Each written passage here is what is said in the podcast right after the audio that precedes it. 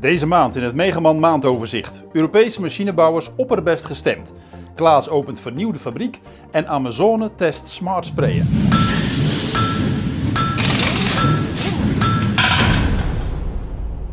De stemming in de Europese mechanisatiesector is sinds 2008 niet zo goed geweest als nu. Dat blijkt uit de Business Barometer van de SEMA, de Europese Vereniging voor de Landbouwmachine-industrie. Die goede stemming is te danken aan de hoge omzetten en het ongekende aantal orders. Voor de komende zes maanden verwachten de fabrikanten een verdere omzetstijging. Die stijging zal het hoogste zijn in Oostenrijk en Italië. De Benelux en Roemenië staan op de omzetranglijst onderaan.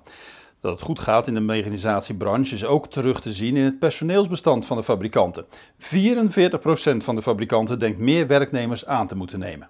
De Duitse trekkerbouwer Klaas opende haar vernieuwde trekkerfabriek in Le Mans. Klaas investeerde de afgelopen drie jaar 40 miljoen euro in de fabriek. Oude apparatuur is vervangen, wat de productie flexibeler en de werkomstandigheden van de werknemers beter moet maken. In de fabriek moet in een ploeg 60 trekkers per dag geproduceerd kunnen worden. Daarvoor werd de assemblagelijn volledig vervangen en zijn onder meer 40 automatische transporttreinen en een geautomatiseerd onderdelenmagazijn geïnstalleerd.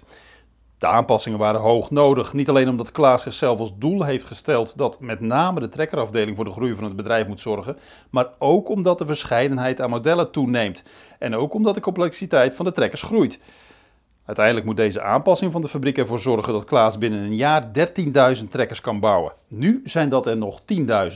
Kerger introduceert een nieuwe droogijsstraler. Deze machine produceert zelf droogijspellets, oftewel vaste CO2-korrels, met een temperatuur van min 79 graden Celsius. Met een spuitpistool blaas je de korrels onder hoge druk op de te reinigen machine. Door de lage temperatuur wordt het vuil, broos en brokkelig, waardoor je het eenvoudig kunt verwijderen. Voor het maken van de pellets heeft de machine vloeibare CO2 nodig. Dat komt uit een fles die je achter op de machine plaatst. Dankzij een compressor en een persluchtnetwerk komen de korrels met een snelheid van 150 meter per seconde uit het spuitpistool. Volgens de fabrikant heeft de reinigingsmethode zo goed als geen schurend effect en blijven er ook geen droogijsresten achter. Daardoor is de methode geschikt voor gevoelige oppervlakten zoals plastic, glas, textiel, metaal en hout. Met de droogijsstraler kun je ook elektrische componenten schoonmaken. Er blijft namelijk geen vocht achter. Zometeen beelden van de smart sprayer van Amazone. De Nederlandse start-up Xseed gaat een samenwerking aan met Klaas. De Duitse machinefabrikant heeft in de samenwerkingsovereenkomst een minderheidsaandeel. Klaas krijgt toegang tot robottechniek en Xseed kan profiteren van het Klaas-netwerk en de kennis van het bedrijf. De Ierse machinefabrikant McHale heeft zijn serie schudders met haaktand klaar. Dat de fabrikant aan de machines werkte was al langer bekend. Voorlopig komt er nog geen exemplaar naar Nederland. Stadsboerderij Almere heeft de eerste waterstoftrekker van H2-Trak gekocht. De fabrikant wil de trekker in februari 2022 afleveren.